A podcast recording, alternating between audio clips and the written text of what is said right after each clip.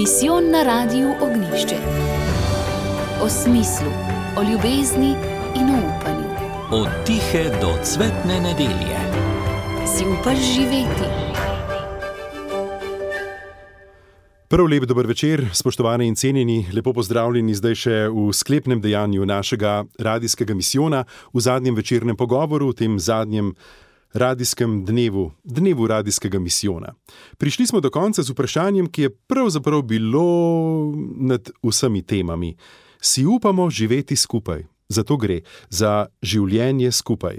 In dovolite, da na začetku prav lepo pozdravim vse, najprej zbrano občinstvo, se vas pred radijskimi sprejemniki, da vsem, ki morda še niste, povemo, da nas lahko tudi vidite na našem Facebook portalu in da lahko pogovor tudi sliko in kako pač zvokom, ki je najbolj radijski, spremljate tudi na naši spletni strani radio.ognisce.si. Toplo dobrodošli, kadarkoli. V komentarjih lahko zapišete tudi vaše vprašanja, veseli jih bomo, seveda je tukaj tudi telefonska številka nič ena 512 10 nič nič, ki bo tudi danes pot za vaše vprašanja. In pot odgovora, ki jo bo odgovor iskal nazaj po običajni radijski poti. Torej, res lepo zdrav vsem. Posebej pa dovolite, da v naši sredi, zdaj leta večer, pozdravimo danes osrednjega misionarja, z nami je duhovnik, zdaj župnik v Strunjanu, znan z mnogih primorskih župni, pa tudi z bogato izkušnjo dela življenja v skupnosti v Italiji, gospod Bojan Rauber. Dober večer.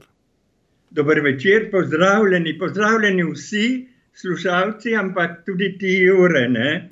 Rad bi vas pozdravil z enim lepim eh, uvodom, z eno besedo. To, kar si izbral za zaključek prejšnjega popoldneva, Marija, pripravi nam revno srce, da sprejme, kar Božjemu pismo pove. Bi rad videl tudi za gospoda Ju, eh, Dragota in Saro, da bi res preko naših ust mogel spregovoriti Bog, njegovo pismo. Ja, hvala lepa, Bojan, za ta uvod in res prav lepo zdrav tudi Sari in Drago Jerebicu, ki sta predavatelja na teološki fakulteti, uh, zakonska in družinska terapeuta tudi na uh, družinskem centru Bližina in zdaj le prav lepo zdrav tudi zakoncema Jerebic. Dober večer. Dober večer. Nadaljavo smo bili povezani, seveda, z vsebino današnjega misijonskega dne, tudi z vsebino vsega tistega, kar so prinašali misijonski dnevi pred današnjo soboto. Pa vaju, gospod Sara in gospod Drago, kot zakonca sprašujem, ali je to sploh smiselno vprašanje postavljeno za vsebino današnjega dne, ali si upamo živeti skupaj, ali morajo zakonci za to res imeti pogum? Ja, jaz mislim, da je to zelo, zelo smiselna, smiselno vprašanje, ker. Veste, v zaljubljenosti biti skupaj ni problem. Ko pa zaljubljenost mine, takrat se pa strahovi pojavijo in takrat se tudi, če hočete, naš obrambni program v možganih zelo, zelo pride v spredje. In zato danes veliko med zakonci govorimo ali pa v družinah o tem strahu. Strah se približa drug drugemu in tudi v zakonski terapiji večinoma dela, dela ki ga imamo zakonci, je zaradi tega, ker se bojimo drug drugega in ne znamo pol preklopiti iz tako imenovanega obrambnega funkcioniranja možganov v ta povezovalni ali pa če hočete zakramentalni, milostni del eh, funkcioniranja možganov. Zato se mi zdi to izjemno smiselno, eh, smiselna tema. Ampak za kakšen strah lahko gre, recimo pri skupnem življenju v zakonu? Strah. Ja. Strah pred bolečino, da bi te tisti, ki ga imaš najrajši in ki ti pride najbližje, da bi te prizadel, da bi te ranil. In pred tem strahom, da potem te drugi ne bi razumel, da se ne bi mogel s tabo povezati, ljudje pogosto doživljamo sram sram v smislu, nisem dovolj dober, nisem dovolj vreden, z mano je nekaj narobe. In zaradi tega potem ljudje bežijo ven iz odnosov, iščejo razno razne nadomestke, ker gre za en strah. Pred tem, da bi se ustramotili, da te drugi ne bo sprejel, da te ne bo slišal, da te ne bo razumel. In je to ena taka bolečina, in v bistvu gre za pri nepovezanosti, za obrambo pred to bolečino. Uhum. Prava obramba ali rešitev vsakega strahu, obramba pred bolečino, obramba pred vsem slabim, gospod Rauber, je bilo iz vašega nagovora nekako izluščiti, je to, da vso človeku vidimo Jezusa. To je slišati zdaj, če, če recimo tole sliši kak lajk, nekdo mimo grede si reče: Ja, precej romantično. Ampak kako po vaše to lahko izgleda prav zares v resničnem življenju, danes, jutri? ja, živeti skupaj je res, se treba žrtvovati, ne? Je treba umreti sebi, da zaživi drugi. In mi je všeč, da si dal prvo besedo prav zakoncema, ker če pogledam tudi, je, kako je živel Jezus. 30 let je živel v družini, v družinski skupnosti, kjer je bilo treba neprenehoma eh, umirati sebi, svojim željem, svojim načrtom. Zakaj si nama to storil, naprimer, ne, se spominjate? Zato, da bi dal prednost drugemu. In je družina zato najlepša šola za nas vse. Vidim tudi mi, duhovniki, kater nas škov zbere okoli sebe. Ja, kako naj nas zbere? Kot družino. Če se ne čutimo z njim ob starejšem bratu, potem nimamo kaj povedati ljudem. In to je zelo pomembno. Šele potem pa je Jezus stopil v javno življenje, je samo tri leta. Ampak kaj je delal? Nič drugega kot gojil, oziroma eh, eh, to, to družinco okoli sebe, teh apostolov, njihove medsebojne odnose, njihovo rivalstvo in ne vem kaj, blažil in tudi okregal včasih. Ampak on se je popolnoma dal sebe, dokler ni dal eh, popolnoma za vse človeštvo, ker je hotel vse nas zbrati v eno samo družino. To mislim, da je tisto jedro. Uh mhm. -huh. Veste, gospod Rabor, mi smo se ob vaši besedi uh, za koncem Jerebic že malo srečali, tako da ste nam sporočili, kaj je v vašem nagovoru nagovorilo. No, in ena teh, teh reči je bila tista, kar ste izpostavili na koncu, pravzaprav se okoli tega spoznanja vrtel ta sklepni del. Gre za trinitaričnost, kot ste to poimenovali, torej zanesljiv model svete trojice, ki ga moramo živeti z umetnostjo molitve, zaupnega pogovora, srečanja z božjo besedo. Gospa Sara, gospod Drago, enemu od dvaju zastavljam vprašanje. Spet nekaj, kar je morda lahko visoko v oblakih, to živeti, uh, trojico, to trinitaričnost ali kako jo prenesti v resnično življenje. Kako vi dva zdaj ne kot terapeut, ampak kot mož in žena gledate na to? Zelo dobro vprašanje. Uh, se mi zdi zelo pomembno to, kar je gospod Bojan povedal in sicer a se lahko obrneš stran od sebe k drugemu. Ker če jaz vedno želim iskati svoj prav, ker je normalno, da na, isti, na isto stvar, na isti problem gledava oba dva drugače. Uh, ampak tukaj smo hitro v, v skušnjavi, da bi želeli svoje uveljaviti. Zdaj pa tukaj je pa možnost, ali se jaz lahko obujem v čevlje drugega. In tu mhm. je ta ljubezen, kjer res lahko vidim, um, kaj si pa drago želi, kaj je pa njegovo krepenje, kaj je pa njegova želja, ki mu pa jaz lahko pridem naproti.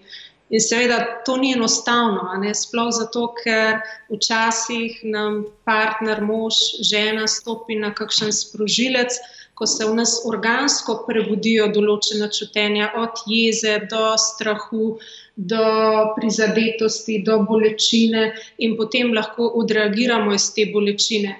Če pa tukaj poskusimo videti, da ima mojega moža Bog rad in je v njem, potem pa se bom jaz veliko drugače obnašala, kot pa če tega ne bom videla. Zdaj pa vprašanje vama kot terapeutoma. A se na to, da ravnamo prav, recimo v taki, se je več kot ja. zadrega, v taki stiski, a se na to človek lahko pripravi, a se to lahko načimo naprej, ali je vse stvar impulza? Ja, zelo pomembno je, da znamo impulze prepoznati, pred impulzi se ne moremo popolnoma zaščititi. Se pravi, zelo dobro je, da vsak zakonec zase ve, kaj so tiste stvari, ki njega strašijo, njegovi sprožilci, ki se bodo vedno znova pojavljali in da jih zna povedati svojemu sozakoncu, se pravi, jaz Sari. In potem tam tudi pričakujem, Sara, tukaj pa bodi ti sočutna z mano, razumevajoča in tukaj jaz razumem, tukaj je lahko tisti zakramentalni, milostni moment, ko nekdo z mano sočutno ravna, ker jaz recimo nekih svojih strahov ali pa nekih svojih eh, sprožilcev, ki se mi prebudijo, ne morem, mislim, ne morem preprečiti, da se ne bi prebudili, če me pa nekdo pomiri, potem pa lahko zelo, kako bi rekli, neproblematično ta stvar gre. Ker če tega ni, potem smo lahko zakonci nenehno drug ob drugem v nekem strahu, v neki paniki, se drug drugega bojimo in to je potem glih nasprotje zakramenta zakona oziroma tega veselja, da bi živeli skupaj. Ne? Potem se distanciramo. Uhum, toliko torej morda za začetek o tem pogumu, ali si upamo živeti skupaj nekaj, torej že z vidika duhovnika, pa zakoncev in tudi že terapeutov. Verjamem, da so te vloge prepletene, eh, pri vaju dveh tudi sicer. Eh, če si eno, si tudi drugo, verjamem, da sta videla pač oba tudi ta večer oboje. Gospod Rauber, vas pa sprašujem kot duhovnika.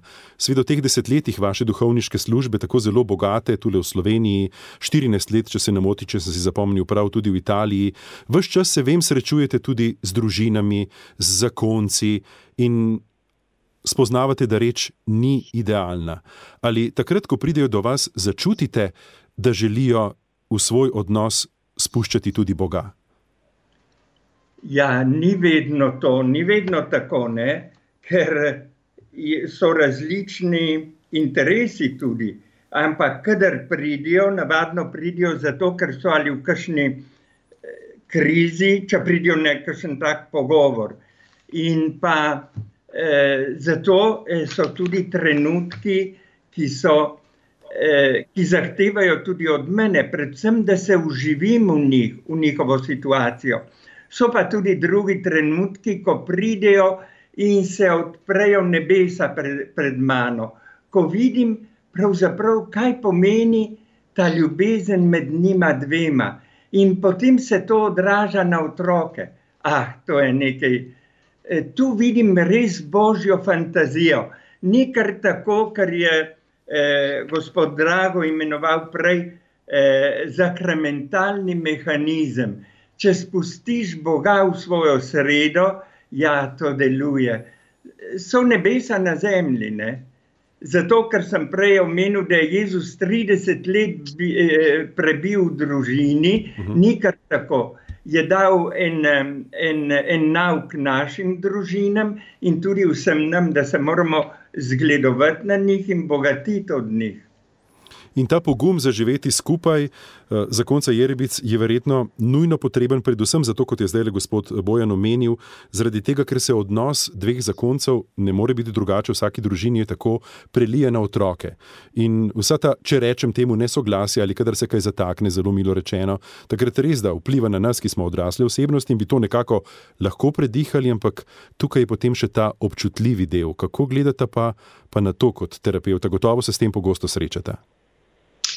Um, tukaj je ena stvar, katero se je pomembno zavedati, kaj se sploh dogaja. Da vsak od nas je v svojem otroštvu in pa tekom življenja nabral veliko ran in prask. Uh mhm. -huh. Med temi ranami in praskami se mi zaščitimo na tak način, da imamo obrambne mehanizme. To je lahko način, da nekoga napadaš, si želijo, ga kritiziraš, lahko se pa umikaš.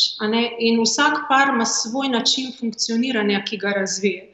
Otroci so pa tisti, ki nam lahko naše boleče točke še močneje prebudijo. Zakaj? Ker mi se včasih ne spomnimo, kaj se je dogajalo v prvih treh letih življenja, ko, ko smo bili v predverbalni dobi, naše telo si pa zapomnilo, vtisnilo so se določene stvari, mogoče občutek usamljenosti, neljubljenosti, pri nekom nehotenosti, neželjenosti. In odnosi so v bistvu sprožilci vseh teh bolečin z namenom razrešitve, prav z namenom, da bi se lahko povezali, da bi lahko našli eno ljubezen. Tako kot smo danes poslušali v Evangeliju, je bilo čudovito petje in ko je, ko je Jezus rekel, moj Bog, moj Bog, zakaj si me zapustil? Tudi on je protestiral proti nepovezanosti. Ne? In otroci, če se bodo počutili um, neslišane, nerazumljene, bodo to protestirali in kazali svojim vedenjem. Lahko bodo imeli uh, izpade, acting out, um, lahko se bodo začeli prepirati, grist, tepst. Ampak v bistvu to je vse klic po pozornosti, a me lahko slišiš, a me lahko začutiš, ali me lahko najdeš. In tukaj, um, ko smo mi ustvarjeni res po božji podobi na način, da, da vemo, da preko trpljenja pridemo do ustajenja. In prav križ in bolečina v vseh naših odnosih je ena možnost, da lahko mi naredimo nekaj novega. Mhm. Prav, da mi zavemo svoje bolečine, da se jaz lahko ustavim in sebe vprašam, kako se počutim. Ja, prizadeta sem, boli me, ranjena sem. In potem, da se vprašam, kaj si jaz želim. Ja, jaz si želim povezanosti z drago. Zdaj, kako bom pa jaz to dobila, naredila, Um, sigurno ne način, če ga bom kritizirala, če ga, če ga ne bom sprejela, če ga ne bom slišala, ampak na način, da mu pridem naproti. Tako kot Dragotu, tako tudi otrokom. V ta naš pogovor, v to naše nocojšnje razmišljanje, ta misijonski pogovor v sklepnem dejanju letošnjega radijskega misijona, bi rad vključil še nekoga. Seveda vas, dragi poslušalci, s kakršnim koli vprašanjem, morda vašo osebnost, tisko dvomom ali mislijo, ste dobrodošli prek telefona na nič 1 512 10 nič nič, torej znaša običajna telefonska številka, ampak rad pa bi med nas tako posredno povabil tudi dr. Karla Gržana, ki je bil naš misionar danes za krajši čas kot gospod Rauber, ki je ta večer z nami. Drugi pogled je bil njegov, rubrika, v kateri nam je skušal svetovati, kako se usposobiti za složnost sobivanja. Mislim, da je uporabil ta izraz in je imel en prav konkreten način, en prav konkreten načrt. Pa prosim tudi naše goste, zdaj reče prisluhnejo in jih bom potem prosil za komentar. Takole je dejal. Mi pogosto, ker želimo samo dobro, govorimo drug drugemu, samo to, kar ni dobro. Ja. Ampak s tem eh, vzdušje v družini zamorimo, obtežimo. In to je eno tako zlato pravilo, pet proti ena. Ja, v življenju je, je življenje samo realno. Ampak preden eh, ti spregovoriš drugemu, kaj ni, kaj še ni, mu povej eh, vse tisto, kar pa je dobro, kar zmore, kar narediš lahkega potem to je tako, da bi zemljo razrahljal in potem tisto, eh, tisto, tisto, tisto napet ena, ne, tisto, ko želimo spremembo, pade v rodovitno, v, v odprto zemljo. Se sami vemo, če nas nekdo pohvali, kako fino se počutimo in če nam potem reče, a bi ti naredil še to, pa to tako z veseljem naredimo. Če nam pa nekdo govori samo, to nisi, pa ono niso, pa spet nisi, pa drugi so, pa ti nisi, nas pa potlači potem smo v sebi nesrečni, nismo zadovoljni. Veste, sreča ni dobitek, sreča je odločitev. Hm. Že ta je bila modra sreča, ni dobitek, sreča je odločitev, ampak jaz bi se ustavil pri tistem razmerju 5 proti 1. Torej, če želim nekoga, zdaj povem v navednicah, nekaj podučiti, mu nekaj svetovati, najprej povem pet dobrih reči. In že to se je treba včasih potruditi, da jih morda v tistem trenutku najdeš pet dobrih, potem pa tista šola, ki sem jo želel spustiti. Tako otrokom kot odraslim. Tako je svojo misel za našo sobotno iskrico povzel dr. Karl Gržan. Uh, gospod, Bojan Rauber, kaj pravite na to? Če se z nekom, recimo, pridemo do ene točke, ko je treba nekaj uh, se domeniti, razrahljati ali zaostriti, najprej pomisliti na dobro pet reči, potem pa tisto, kar bi radi popravili. Če rečem tako, kaj pravite na, na tako matematiko? To je super. Tudi mene je nagovorilo, to sem bil kar navdušen. Samo je res, moramo biti re, realisti, da ja. dosti krat nas podnese in prej vidimo. Eh, tistih, eh, tisto eno, ki je. Ne, eh, Če vzamemo prav Jezusa, kako je eh, gospa Sara omenila, prav na tistem, zakaj, zakaj si me zapustil, je tisto negativno, ne, ker je občutil in to je bilo grozno, to je zarezalo v njegovega duha in v telo, ne, tako ranjeno. Ampak takoj se je dvignil in tako je napravil tistih pet pozitivnih v eno samo ko je rekel: Oče, v tvoje roke izročam svojega duha, torej vsega sebe. In če to zmoremo, to je super. Potem smo usedili nebesa ne samo vase, ampak tudi ta, v ta odnos, če se gre med možem in ženo, ali med starši in otroki, ali eh, jaz, če hočem reči, med mano in ljudi, ljudmi, ki so okoli mene in verjamemo njihovo ljubezen, ampak včasih tudi eh, vidim kakšno stvar, ki ni. Ampak to v tvoje roke, če znamo napraviti ta korak in to je orjaški, to zahteva res moč. Boga. Ampak hvala Bogu, da ta Bog je človek v Jezusu in tako izničen in ranjen, prav en črv, en nič, ki je ta prvo falil, ki je ta prvo napravil ta, ta kiks, ne, ko je očital očetu, ampak potem pa se popolnoma preda. In tukaj doživimo že ustajenje, ustajenje na tem svetu. To mislim. Uh -huh. Pet proti ena v zakonu, sprašujem še zakonca, ali ste to upoštevali doslej, boste morda upoštevali odslej naprej, eh, pa tudi v tem sodelovanju z otroki.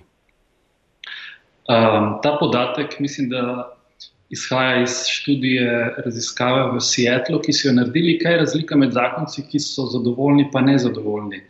In so mislili, da se zadovoljni ne kregajo, mislim, da se zadovoljni ne kregajo, nezadovoljni pa kregajo.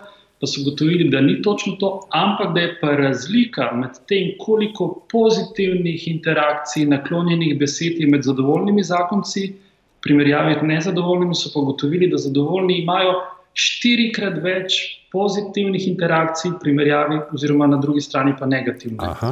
Ne? Tako da to je ena stvar. Druga stvar je pa, gledajte, če, člo, če hočeš, da te človek posluša, da ti ne smeš napast, ne smeš v njem sprožiti, da bo on neke obrambe spostavljal. In zdaj, če ti prideš z neko pohvalo, z neko naklonjenostjo, potem eh, to je slišim. Dej pripravi človeka, da se počuti varnega ob tebi, sproščenega ob tebi, in šele ko bo sproščen, potem on lahko posluša tudi kakšno malo manj prijetna stvar, ki mu hočeš povedati. Gospod Drago, kako pa to vidva rešita, ker imata oba eh, temelje v teoriji in oba veste, iz katere študije izvira kaj pri kakšni reakciji? Veste, mi se hecamo, zakonci, terapeuti. Zakon je, ali imaš prav, ali pa si srečen. Torej ste potrdili tisto, da sreča, kako že ni dobitek, ampak je odločitev. Ne? Se je ja, treba odločiti, pa morda popustiti za srečo. Veste, kaj pomembno je, da vedno eden zna mečkano popustiti. Recimo, pomeni, da je eden, vsaj eden toliko umirjen, zreguliran sam v sebi, da počaka. Uh mhm. -huh. In potem stvar gre naprej. Problem je, ko oba. Uh, nista zregulirana, nista pomirjena, takrat pa pride do večjih sporov. In zato je pomembno, da vsaj eden, sicer takrat malo potrpi, tudi kaj požre, ampak eh, ko se mi zdi, da gre odnosi ali pa družine potem neko, neko bolj normalno pot naprej. Mhm, jaz se spomnim svojega očeta, ki je mami večkrat rekel: Ti imaš prav, jaz pa mir. To je podobna matematika, a ne? no, zdaj bomo pa medse spustili še poslušalce, tudi vas smo povabili in zdaj le z nami gospod Sluga. Dober večer. Dober večer.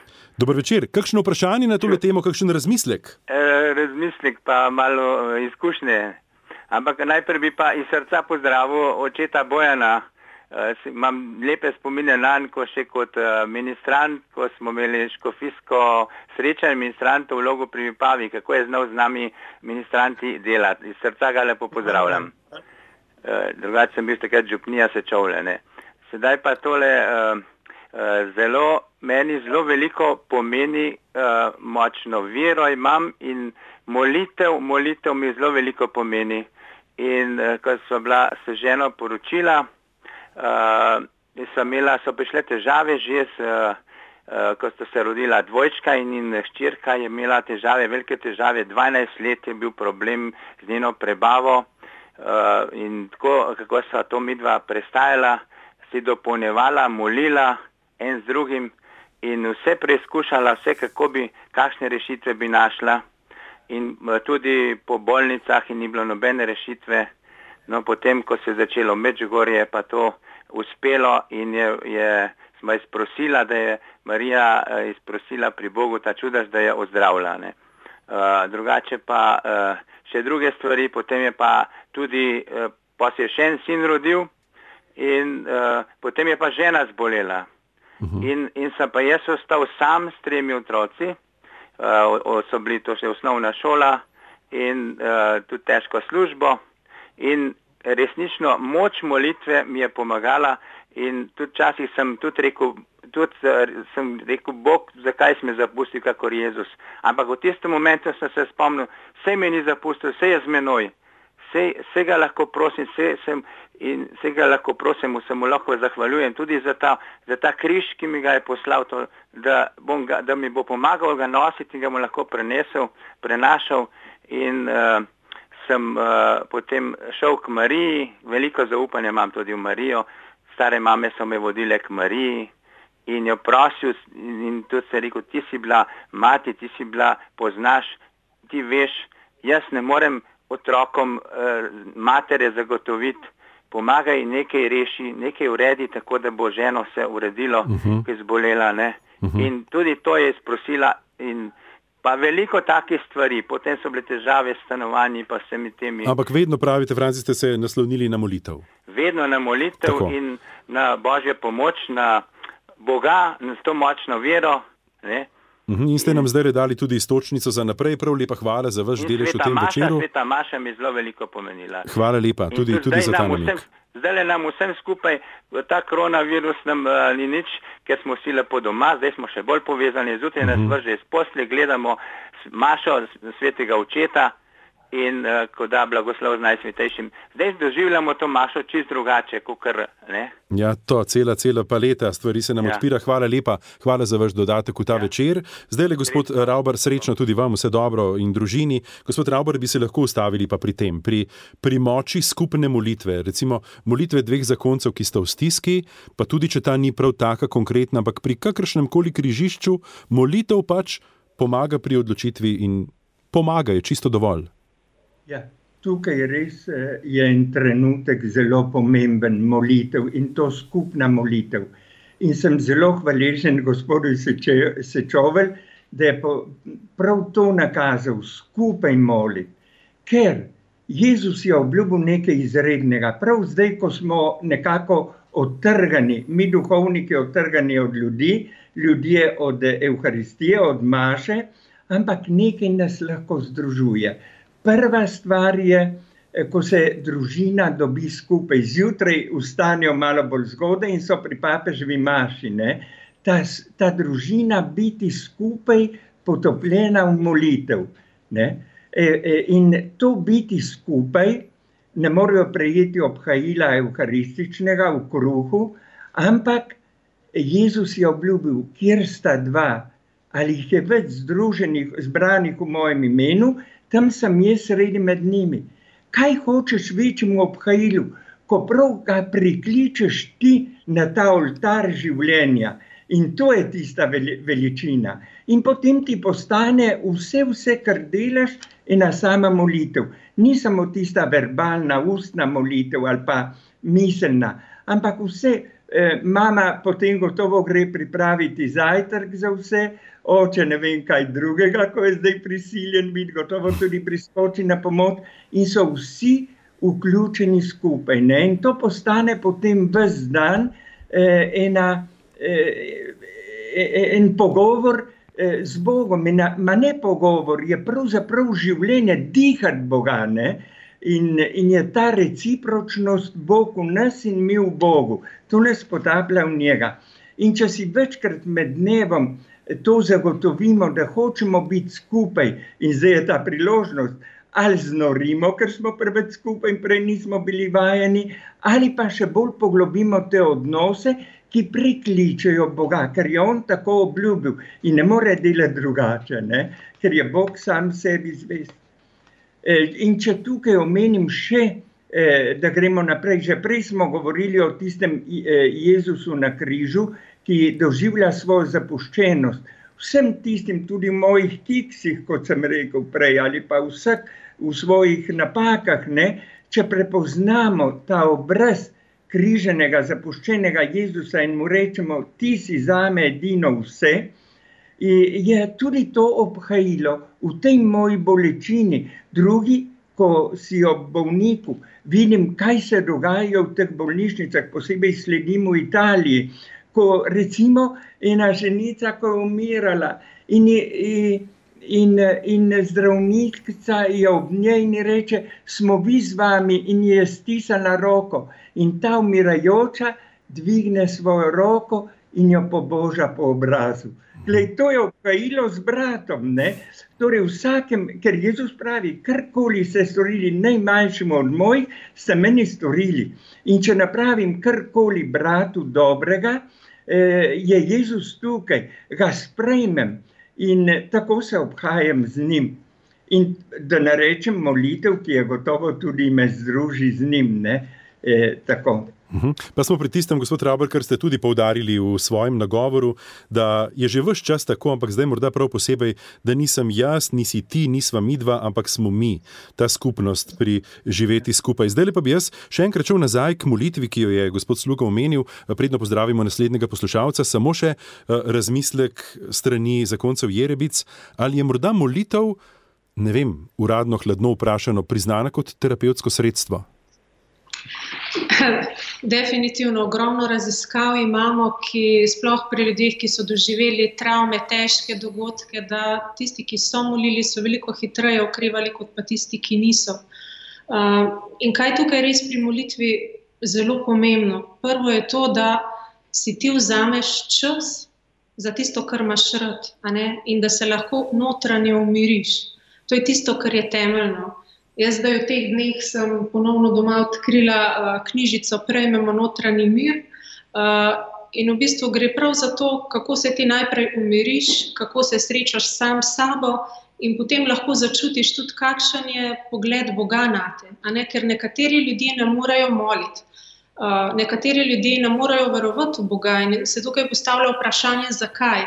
Uh, jaz na terapiji vedno vprašam, kdo je za vas Bog, Kako vi vidite Boga, kako vi mislite, da Bog gleda na vas? In odgovori, ki jih ljudje dajo, eh, zelo evidentno povejo, v kakšne odnose stopajo. Če nekdo doživlja Boga kot nekoga, ki je daleč, ki se ne zanima za te, potem seveda bodo imeli tudi tak občutek, da se drugi ne zanimajo za njih, in je to lahko ena močna bolečina. Kar pa delamo v bistvu v terapiji, je pa, da ljudem pomagamo ponovno odkriti ljubezen. Se pravi, te, te rane, zaradi katerih ne morejo verjeti in upati v odnose, da lahko te bolečine na nek način pozdravijo in spustijo ljubezen v svoje odnose. Prav to je tudi del namena našega večera, znova spustiti ljubezen, medse upozoriti na to, da je prav, da je prisotna ljubezen z malo in tista z veliko začetnico, na katero seveda opozarja naš radijski misijon, ki ga zdaj lahko poslušate, če ste z nami samo prek radija, lahko obiščete radio.ognisce.si in še vidite naše sogovornike, delujemo kot televizija v teh dneh, tako v večernih pogovorih prek našega Facebook profila ali na, kot rečeno, radio.ognisce.si. Zdaj pa v tem večeru lepo pozdravljamo še drugega sogovornika z druge strani strani. Poglejmo, poslušalec, poslušalka, dober večer. Dober večer, lepo pozdravljeni. Dobro večer, kdo je z nami? E, tukaj poslušalka iz okolice Kopra. Z imenom? E, z imenom e, Dunja. Dunja, povejte, kakšen je vaš razmislek, vprašanje dvom? Ja. Jaz bi vprašala, vprašanje bi postavila gospodu Župniku Bojanu Raubarju. In sicer glede tega, ko je gospod Župnik je rekel, da se v vsakem obrazu skriva Jezusov obraz. In eh, sicer bi vprašala, kako pa v takih ljudeh, recimo, ko, ko, je, ko, ko, v teh, ko v nekaterih ljudeh vidimo jezo, prepir, sovraštvo, uh mhm. -huh. ko ne moremo spostaviti nobene komunikacije z njimi, kako lahko v takih ljudeh vidimo ta Jezusov obraz? Uh -huh. To mhm. bi vprašala. Uh mhm. -huh. Prav lepo, hvala. Od, Ja. Dunja, hvala za vaše vprašanje. Konkretno je srečno. Uh, spet bi lahko rekli, kot smo že nekajkrat, Bojan, da je vse skupaj lahko slišati romantično, pa krasno teoretično, ampak kako takrat, ko nekoga niti pogledati ne moreš, po njem videti Jezusa? In to je velika preizkušnja. Tukaj se gre najprej gotovo za vero. Če jaz grem v življenje, če začnem nov dan, da vsaka oseba, ki jo srečam, je za me Jezus, ker karkoli ste storili najmanjšemu, ste meni storili, napravi ali ne reče, ali je jezen, ali je dobre volje, ali je do tebe naklonjen, ali te preklinja in podi stran. Ampak ste meni storili. In to je tisto osnovno, ne? ni odvisno od razpoloženja tega človeka, ampak je eh, odvisno od tega, od Boga, ker je Bog to eh, rekel in Bog ne prekliče svoje besede. Gotovo, lahko je ta božja podoba v njemu iznakažena. Ja, ko gledam Jezusa na križu in nekateri slikari ga tako uprizorijo, da te kar groza, tudi filmi, nekateri zdaj, ko gledamo zadnje čase v Jezusovem življenju, ne, se prav prestrašiš, kaj to, da je Jezus, to, da je človek. In potem, če že greš naprej, to, da je Bog, In ampak tudi v tem človeku, ki ga preklinja, je on. In zato je pravzaprav to ena skrivno, je dejanje vere. In vera mi pomaga potem, da naredim naslednji korak, da lahko tega človeka vzljubim. Da sem tudi jaz pripravljen dati življenje za njega. Mhm. Prav tako kot je. Če vzamemo tudi to primerjavo na križu, Jezus v sredi, dva razbojnika ob eni in drugi strani. Eh, Jezus je enega in drugega enako imel rad. Ampak eden se je obrnil k njemu in eh, naklo, z naklonjenostjo, drugi pa je preklinjal. Ne vemo pa, kakšen je bil konec tudi tistega levega, kot pravimo. Bog ve, ker on ima gotovo ljubezen, nepreklicno ljubezen do konca, zato tudi da šanso prav do poslednjega trenutka. In jaz skušam, skušam tudi, če ne uspem vedno, vsakega človeka gledati s temi očmi. Ja, za take spoznanje je res potrebna uh, globoka vera in mnoga spoznanja, ki jih vi kot duhovnik gotovo imate, več kot mi, recimo v naših pogledih ali pa v naših življenjih. Uh, a, a, dolga pot je to zahtevna. A obstaja kakšna bližnica, zdaj le sprašujem terapeuta na tisti dunji in dvom, kako k nekomu pristopiti z ljubeznijo, ki ti te ljubezni že vnaprej veš, ne bo vrnil ali pa jo je že prej skušal ubiti v tebi.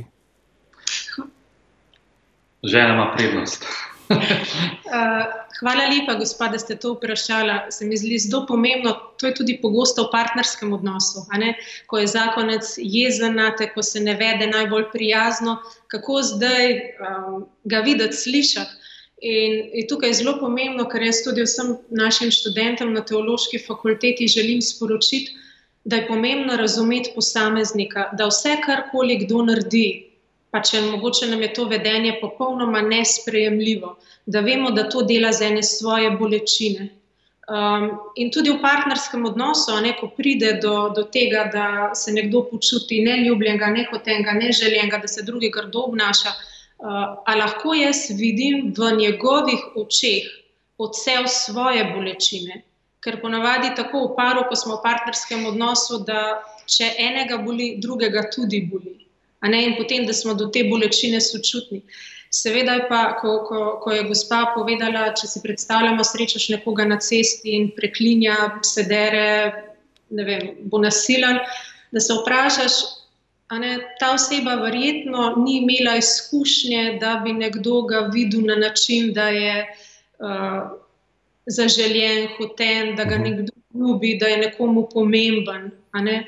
In to je, to je prav sporočilo našega zakona. Ne? Se pravi, Bog je tam za vsakega izmed nas in vsakega izmed nas sreča v bolečini. Ne takrat, ko smo mi dobro, ko se imamo fajn, ampak ravno takrat, ko smo v najhujši bolečini, tako kot je gospod prej povedal, ko je poklical, zboli otrok, zboli žena.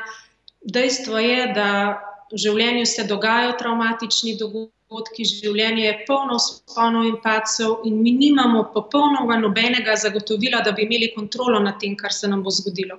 Ampak kar pa imamo, to, kar je danes v oddaji za življenje profesor Gostečnik lepo povedal, imamo pa kontrolo nad tem, kako se bomo pa mi odzvali na drugega, ko je v, te, v tej bolečini. Tudi po zdaj le omenjeni oddaji in še profesorju Gostečniku, danes je bil res bogat dan, ker se sogovornikov tiče. Zdaj le bo stepleti večer obogatil še eden od naših poslušalcev, poslušalka morda. Dober večer. Ja, dober večer. Poslušalka, kdo je z nami? Bojka. Pozdravljeni, gospod Bojka. Prečaka je, mislim, primorske. No? Ja, spet primorski konec, povejte, beseda je vaša. Ja.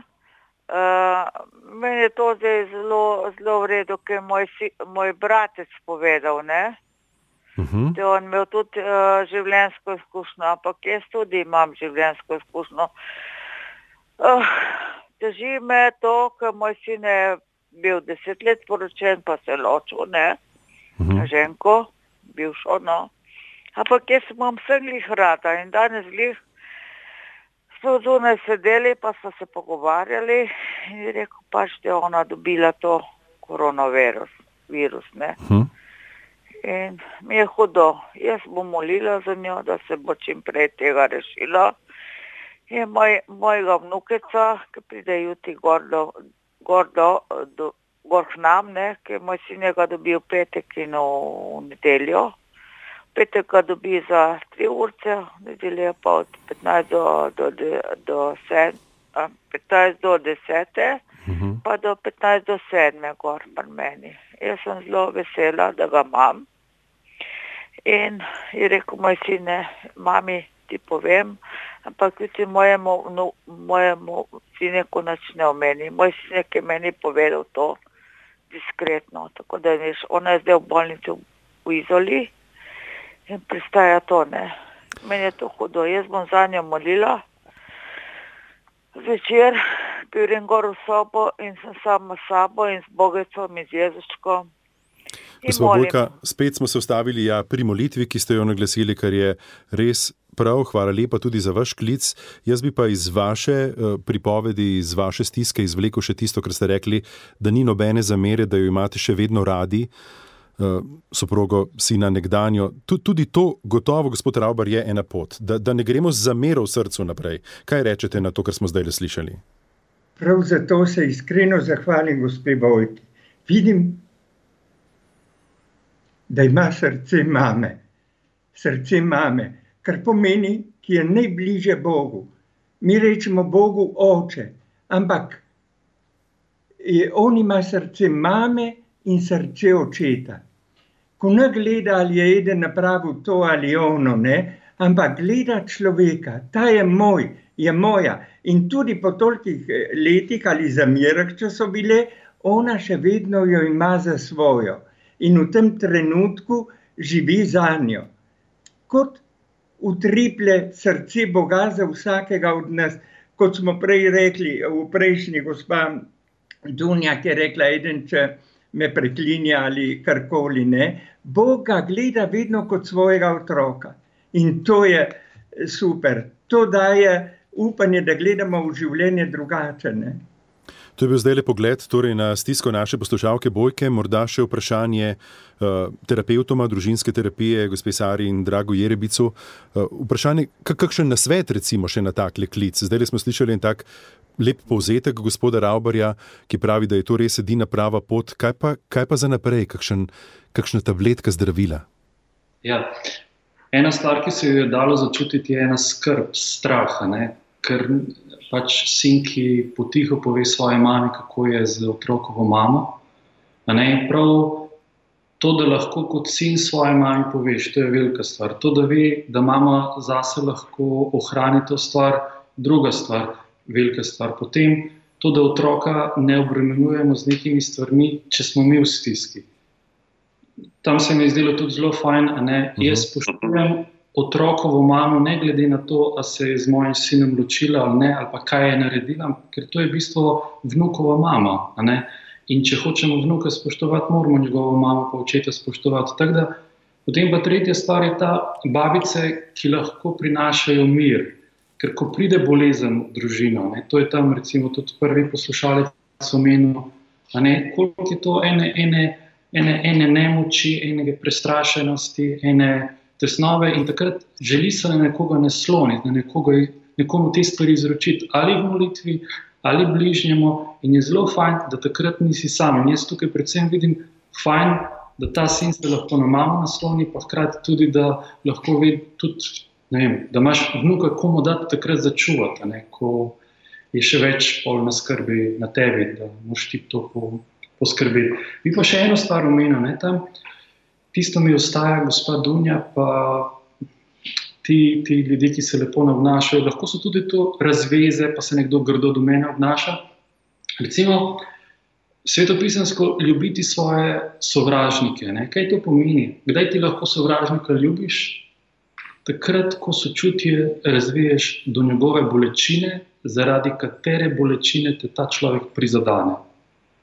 Uh -huh. Se pravi, lahko jaz razvijem sočutje do, člo, do rane človeka, zaradi katere rane me ta človek grdo obravnava.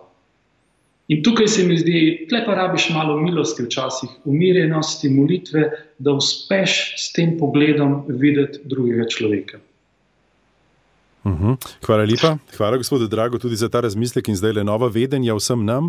Eh, mi smo že na začetku povabili tudi naše poslušalce, če imajo morda kako misel, da se lahko oglasijo tudi v komentar na našem Facebook portalu, kjer prenašamo ta naš pogovor in je videti tudi sliko naših sogovornikov. No in Bernarda je zdaj le ob tem le zadnjem modrovanju zapisala, eh, tistem pred zadnjem, pravzaprav prejle, za človeka, s katerim ne najdem skupnega jezika, prosim gospoda naj mi pomaga, da ga ljubim z njegovo ljubeznijo, pa enostavno, ker gre in vse srcu postane toplo. Verjamem, da je lažje s tako zavestno odločitvijo in pravzaprav z molitvijo, s prošnjo za to, da bi šlo. Nina pa se je oglasila še na tisto matematiko 5 proti 1 in dodala: Super matematika, tudi otroci potrebujejo realno pohvalo. Vzgoja, zanimiva misel, vzgoja ni popravljanje napak, ampak spodbujanje, zalivanje dobrega. No in ta večer lahko zalijete tudi vi z vašo mislijo, zdaj bomo tja do 21. ko bo večer treba končati, sprejeli še zadnjega poslušalca, poslušalko, potem uh, počasi sklenili našo misel sogovorniki. Pozdravljam torej naslednjega, dober večer. Halo? Ja, lep dober večer, kdo je z nami? Dober večer, se slišimo, Sabrina. Sabrina, lepo pozdravljeni, še vaša misel, vaš pogled, vaša skrb. Ja, če dovolite, ampak lepo prosim, ne napačno razumeti, ker bom jaz povedala iskreno. Povejte. Oziroma bom povedala moj pogled, moje stališče do religije in do vere. Uh, in jaz z, imam pravico, da razmišljam svojo glavo. Pravico imate, ampak če se boste držali teme, si upa živeti skupaj. Ja, teme, poglejte, gospod, jaz vsakemu svetujem, naj razmišlja svojo glavo. Povejte, kakšen je vaš dvom? Moje mišljenje je, ja, počakajte, kako se vi napora kako se vi naporan, bom povedala. Religija pa vera nimate nič skupnega ja. in eh, ljudje bi mogli od malih, ne od otrok, iz zibelki že učiti se samo spoštovanja in medsebojnega spoštovanja. Če ni medsebojnega spoštovanja, vsi govorite o nekakšni ljubezni, kje pa je to ljubezen? Kje in kako morajo religijski ljudje govoriti o ljubezni, če sami nimajo družine? Gospod Sabrina, prav lepa hvala za tole vaše vprašanje. Gospod Rauber, zdaj ste bili zvani kot duhovnik. Kako morate o. govoriti o družini, če sami družine nimate? Ja, kako lepo. Ma, prav mi je všeč to vprašanje. Hvala, gospa Sabrina. Sva na istem valu, sva na istem valu. Jaz tudi, če ne bi imel družine, bi znorel, bi bil eh, faliran, ne? ampak se zatečem k srečku Kosovelju pravi, vzeli so mi vse razen ene vere, vere v človeštvo. Za me je to sveta beseda. Ali si novi človek? Vprašaj se vsak dan. Vidite, ta vera v človeštvo in ljubezen v človeštvo, to je moja družina. Prav, ker je nimam in ne enkrat me je zabolelo v duši, ko vidim eh, toliko srečnih družin z otročiči vse me je zabolelo in je v meni vzniklo tisto, ja, pa ti nimaš te lepote, ti nimaš te družine. Ampak vsak dan, ko vstanem, predno zaspim, začutim, kako je vse človeštvo moja družina. In vse jih nosim tukaj v srcu. To je tista gospa Sabrina, od danes naprej ste še posebej v mojem srcu, ampak kot vsak drugi obraz. Hvala vam. Hvala tudi vam, gospod Bojan. Jaz se zavedam, da sem naporen, ni lahko poslušati tistega, ki sprašuje celo uro, ampak bom kljub temu naporu Saro in draga Jerebica še vprašal, kaj pa vi dva rečete na tisto misel, ki smo jo zdaj slišali. Prav konkretna ostra je bila, da vera ne uči samo spoštovanja. Pa je se prvi. Glede, meni se zdi, prva stvar se mi zdi, je lahko eno samo izpraševanje za nas, morda pa res premalo, uh mhm. -huh. iskreno, zauzeto živimo in nas resnično lahko kdo malo pokritizira. Pa se mi zdi, prvo, ok, se je res morda ena spodbuda, da se sami izprašamo. Ne? Druga stvar je pa, gledajte, uh, vera, duhovnost in religija. Ne? Če bi zelo poenostavljeno rekli, veste religija kot posoda, duhovnost kot vsebina. Ne? Brez posode se ta duhovnost razlije, posoda brez duhovnosti je pa neka okosteljena struktura. Tako da dejansko mi danes ne bi mogli o veri govoriti, če nam ne bi 2000 let nekdo poskrbel, da se to prenaša iz roda v rod. Hkrati smo pa vedno znova povabljeni, da pa res gremo k tistim bistvenim stvarem. In to se mi pa zdi prav ta tema misijona, ta bistvena stvar, A se res imamo radi, smo res odprti drug do drugega, naklonjeni drug do drugega. In če kdaj nismo, oziroma če koliko ljudi v cerkvi tega ne prepoznajo, se mi zdi fair, da tudi to sprejmemo. Je pa res to, da veste, crkva pa niso samo duhovniki, so, smo tudi lajki. Lajki imamo zakone, imamo družine, pa lahko govorimo tudi o družinskih stvarih. Uh -huh. uh, drago Sara, za konec, skoraj da konec, vaju sprašujem, ali lahko naredimo zdaj za vse tiste, recimo, ki so zamudili, pa so zdaj le prišli v našo družbo, ampak ne, sej, ne mislim resno, torej za konec tudi našega misijona. A se da kaj odgovoriti, a se da ene par, ne vem, na svetu, kot v kakšnih ameriških knjižicah, deset korakov do. Torej, kaj recimo lahko naredimo zavestno, kakšno odločitev je treba sprejeti pri sebi, pri naju dveh, recimo kot zakoncih ali pri nas kot družini, da nam bo lepše v naših odnosih. Hvala za to vprašanje, ker je res bistveno. Um, mogoče to, da vemo, da bistvo našega bivanja so odnosi. In je pomembno, kaj bomo vložili v te odnose. Najprej je čas, če se hočeš pogovarjati, potrebuješ čas, drugo je pa, da se jaz lahko vsak dan posebej zavedam, kaj čutim in doživljam v svojem telesu. Če me nekaj boli, če sem prizadeta, da govorim o svoji bolečini, in da imam vsak dan možnost izbire, kako se bom odzvala. Ker ljubezen je tista, ki bo edina ostala in je. In kaj bomo mi dali drug drugemu, je, je edino tisto, da se zavedamo, kaj doživljamo na našem telesu, ker včasih začnemo razmišljati, kakšen drugi je, kaj vse nam je naredil, kako so otroci poredni, na obogajo, ne vem kaj, in začnemo hitro kritizirati. Tako pa, da se ustavimo v molitvi, povežemo sami s sabo, se vprašamo, kaj čutimo in doživljamo na telesu, in potem začnemo o tem govoriti in se drugače odzivati. In mogoče tisto, ko ste prej rekel, um, pet pohval. Raziskave so pokazale, da če mi pri otroku ga vem, veliko popravljamo, se bo ta vzorec v njegovih možganjih utrdil in bo otrok imel neprimerno vedenje. Se pravi, če mi hočemo, da se drugi lepo obnašajo do nas, potem je pomembno, da tudi mi utrjujemo lepo vedenje do drugega. Se pravi, če si želim sprejetosti, pa pohvale od moža,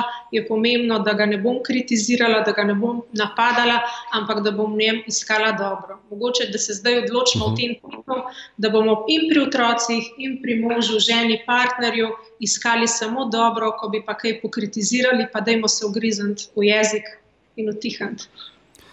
Radijski, Radijski misijon je tukaj uh, zato, da rastemo skupaj, zato da lahko rastejo tudi naši poslušalci. Zato si dovolim, če pogledam na uro, končati tale naš večer z vprašanjem, na katerega bi potem, prosim, uh, odgovorili kar vsi. Najprej gospod Rauber, potem še za konca Jerbic. Uh, bil je v klicu vprašanje Karmen, ki se je oglasila prek Facebooka in piše takole: Pozdravljeni za odnos je potrebna oseba. Sem mami najstnic ločena več kot deset let. Kljub trdni veri hrepenim po skupni molitvi, osebi, odnosu, kako v dani situaciji rasti.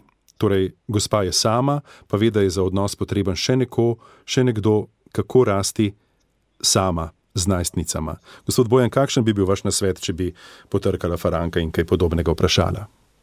Ja, prvi odnos gotovo je s to bolečino ki jo nosi v sebi in ki jo gotovo še ni razrešila.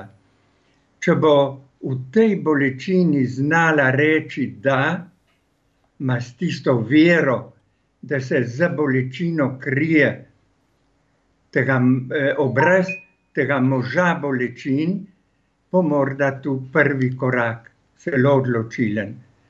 Drugi korak so njeni otroci vsak dan jih pogledati z enim novim pogledom, kot da bi jih prvič videla.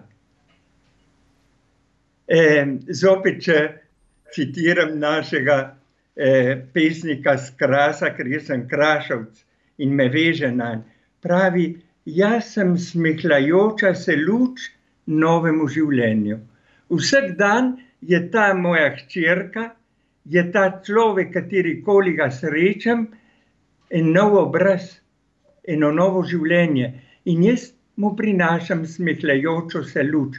To je tisto psihološko, ne živeti zaprt v svojo bolečino, ampak se odpreti k bližnjemu. Tako mi postane bližnji pot do luči.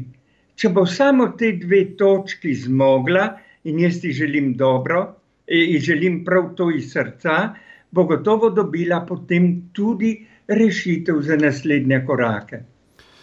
Draga zakonca Jerebic, eh, če bi morda vajen zavod bližina potreboval še kakega terapeuta, ki zna z besedami in ki ve, kako stvari streči, se mi zdi, da smo nocoj odkrili tudi to, tudi ta vidik v našem sogovorniku, gospodu Raubarju, a bi morda vidva na njegovo misel sploh še kaj dodala. Prvič, jaz bi rad dodal to, da prav to, kar pri gospodu Raubarju, se, nekaj, se njega ljudje sploh bojijo, se ga sploh kdo boji. In zaradi tega bi bil izjemen terapeut, oziroma je, se tudi ni na ključe, da ste gospod Rauber bili vzgojitelj bogoslovcev 14 let. Tako, oziroma, tako. tako, mislim, pravi človek na pravem mestu. Bi pa morda glede te gospe omenil, veste, mene po eni strani zaskrbi, po drugi strani me pa pomiri, gledajte, ona pošle, ona napiše, ona posluša, ona se odpira. In razvezano se je, kar je izjemno. Po, teh razvezanih oseb je danes ogromno, pa je izjemno težko. Mislim, da osebe, ki se odprejo, so v nekem odnosu z, z ljudmi, s katerimi se odpirajo, in se mi zdi, to, da ni sama. Uh, to, mi, to je ena stvar. Druga stvar je, če ona ve, da jo ene stvari bolijo, pol pomeni, da te stvari ne bo nekako nezavedno na otroke prenašale, pa želela, da otroci za njo poskrbijo. Uh, in potem tudi bo zase poskrbela. Hkrati pa tudi to, veste, videti svojo mamo, ki je v izjemno težki situaciji, hkrati se pa bori.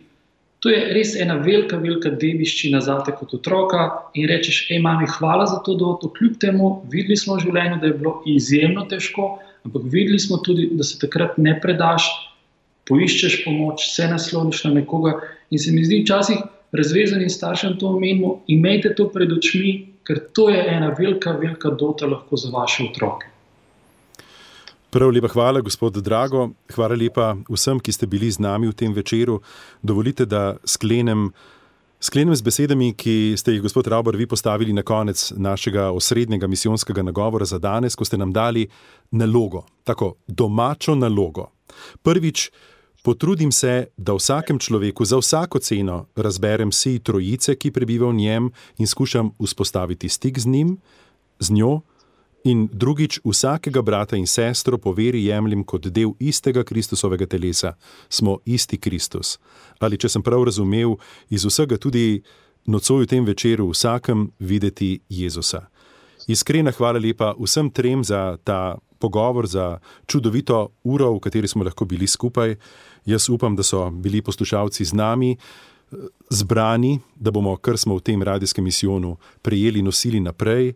Seme je zdaj v zemlji in mislim, da nas zaradi božje dobrote nima več kaj skrbeti. Vsem trem iskrena hvala lepa, lepe praznike, lepo doživete dni, ki so pred nami, tudi če bodo drugačni in prav enako poščimo tudi poslušalcem. Hvala, gospod Rauber, vam. Hvala, Jure, hvala. Lep, veliko noč, res da bi bila kot vedno skrivnost trpljenja, upanja in veselja. Hvala lepa, hvala lepa tudi vama, gospa Sara, gospod Drago Jervic. Hvala lepa. Hvala lepa.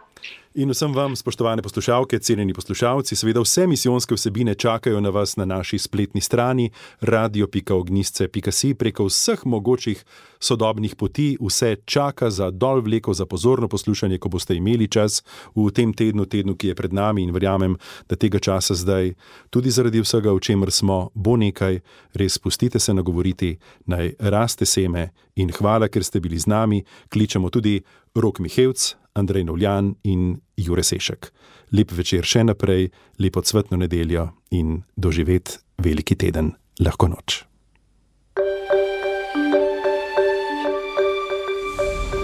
Misijon na radiju Ognišče. O smislu, o ljubezni in o upanju. Od tihe do cvetne nedelje. Si upaš živeti?